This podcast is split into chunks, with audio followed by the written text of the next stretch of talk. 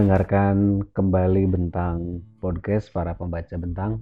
Uh, hari ini kita akan coba diskusi pada tema yang sering kali ditanyakan. Jadi kalau misal dalam banyak acara itu selalu saya uh, mendapatkan pertanyaan yang kurang lebih diulang-ulang dalam setiap event yaitu bagaimana sih caranya menerbitkan di Bentang? Lalu pertanyaan yang juga tidak kalah sering muncul bagaimana caranya mendapatkan ide untuk menulis buku. Nah, kita akan coba bahas dua pertanyaan ini. Tentang menggali ide buku, itu saya punya cerita menarik. Jadi barangkali ini nanti kisah ini bisa teman-teman refleksikan apakah mungkin juga bisa dilakukan sebagai sebuah bekal atau bahan untuk menulis naskah kurang lebih pada tahun 2009 itu saya mendapatkan kesempatan di sebuah ada dua event sebenarnya satu di Malaysia dan Singapura waktu itu. Hari ketiga bersama teman-teman di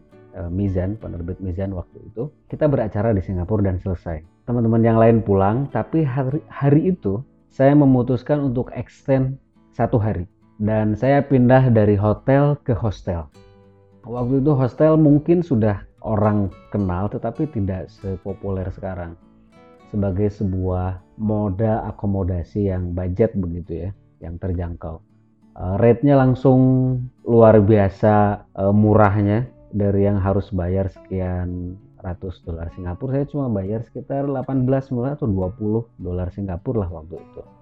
Memang fasilitas yang didapatkan hanya bed dan breakfast ya. Sisanya kan share semua termasuk luggage room, termasuk juga uh, restroom dan lain-lain ya. Tapi apa yang saya dapati pada saat itu adalah ada semacam aha moment gitu ya. Kalau Archimedes menyebutnya eureka gitu, saya kurang lebih mengalami hal serupa. Saya melihat pada saat itu, kenapa ya kok tidak ada semacam buku panduan yang kurang lebih bisa menjelaskan secara cukup detail terperinci kalau orang mau pergi ke satu negara A katakanlah begitu dia bisa jalan ke satu lokasi ke lokasi berikutnya lalu makan di satu tempat atau tempat berikutnya termasuk tidurnya di mana dan itu semua bisa didapatkan dengan cara atau biaya yang terjangkau nah pulang dari hostel itu saya kemudian mendiskusikannya dengan kawan-kawan di Bentang Pustaka. Jadi waktu itu ada satu buku yang menginspirasi. Kalau kita bicara traveling itu mbahnya itu sudah pasti adalah Lonely Planet. Dan itu ada satu buku berjudul Lonely Planet on a Shoestring. Bagaimana traveling bermodalkan tali sepatu lah gitu ya. Istilahnya bagaimana traveling melakukan sebuah perjalanan tapi ngirip banget gitu. Dengan modal tali sepatu pun bisa. Nah dari situ setelah didiskusikan, di-share dengan teman-teman di redaksi, pada akhirnya kita muncul dengan sebuah gagasan buku budget traveling pada saat itu. Uh, inspirasinya dari tadi itu Lonely Planet on a Shoestring. Dan pada saat itu, jujur harus saya katakan, meskipun sudah ada genre traveling di Indonesia, tapi belum ada orang yang menulis secara cukup detail, terperinci tentang budget ini informasinya sebetulnya sudah sangat tersedia, orang tinggal Google, tapi saya kira kadang-kadang kalau itinerary dan tetek bengek dalam tanda petik ya, kan detail itu kadang-kadang juga orang males nyarinya. Itu yang coba kita provide, kita sediakan lewat budget traveling. Akhirnya muncullah nama-nama seperti di antaranya Claudia Kaunang. Ya, Claudia Kaunang adalah salah seorang penulis budget yang kemudian ada Rini uh, Harjanti kemudian ada Mas Ari dan lain sebagainya di kelompok penulis uh, budget traveling bentang. Seingat saya dari satu hari extension di Singapura itu pada akhirnya melahirkan bisnis budget traveling dengan nominal saya kira sudah miliaran rupiah pada saat itu dan jumlah penulis yang fantastis ya. mungkin lebih dari 20-an penulis di kategori budget tentu saja ada buku yang judulnya juga lebih dari 30-an dan ini pada saat itu relatif bestseller. Nah, kenapa saya sebutkan cerita ini? Karena yang menarik adalah gagasan itu sebenarnya bisa datang dari mana saja, tetapi butuh semacam inkubasi untuk membuatnya menjadi sebuah tidak sekadar gagasan, tapi gagasan yang bisa dieksekusi. Gitu. Nah di penerbit, sering kali kita melakukan elaborasi seperti itu, ada gagasan, didiskusikan, muncul eh, katakanlah janinnya begitu, dicari siapa penulisnya yang bisa, kemudian lahirlah beberapa genre penerbitan buku di Bentang Pustaka.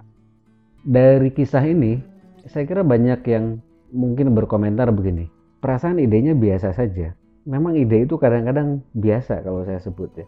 Tapi sering kali yang tidak biasa itu adalah bagaimana kita merespons terhadap gagasan itu. Ada istilah informasi simetris itu artinya barangkali pada saat yang bersamaan 10, 15, 20 orang itu memikirkan hal yang sama.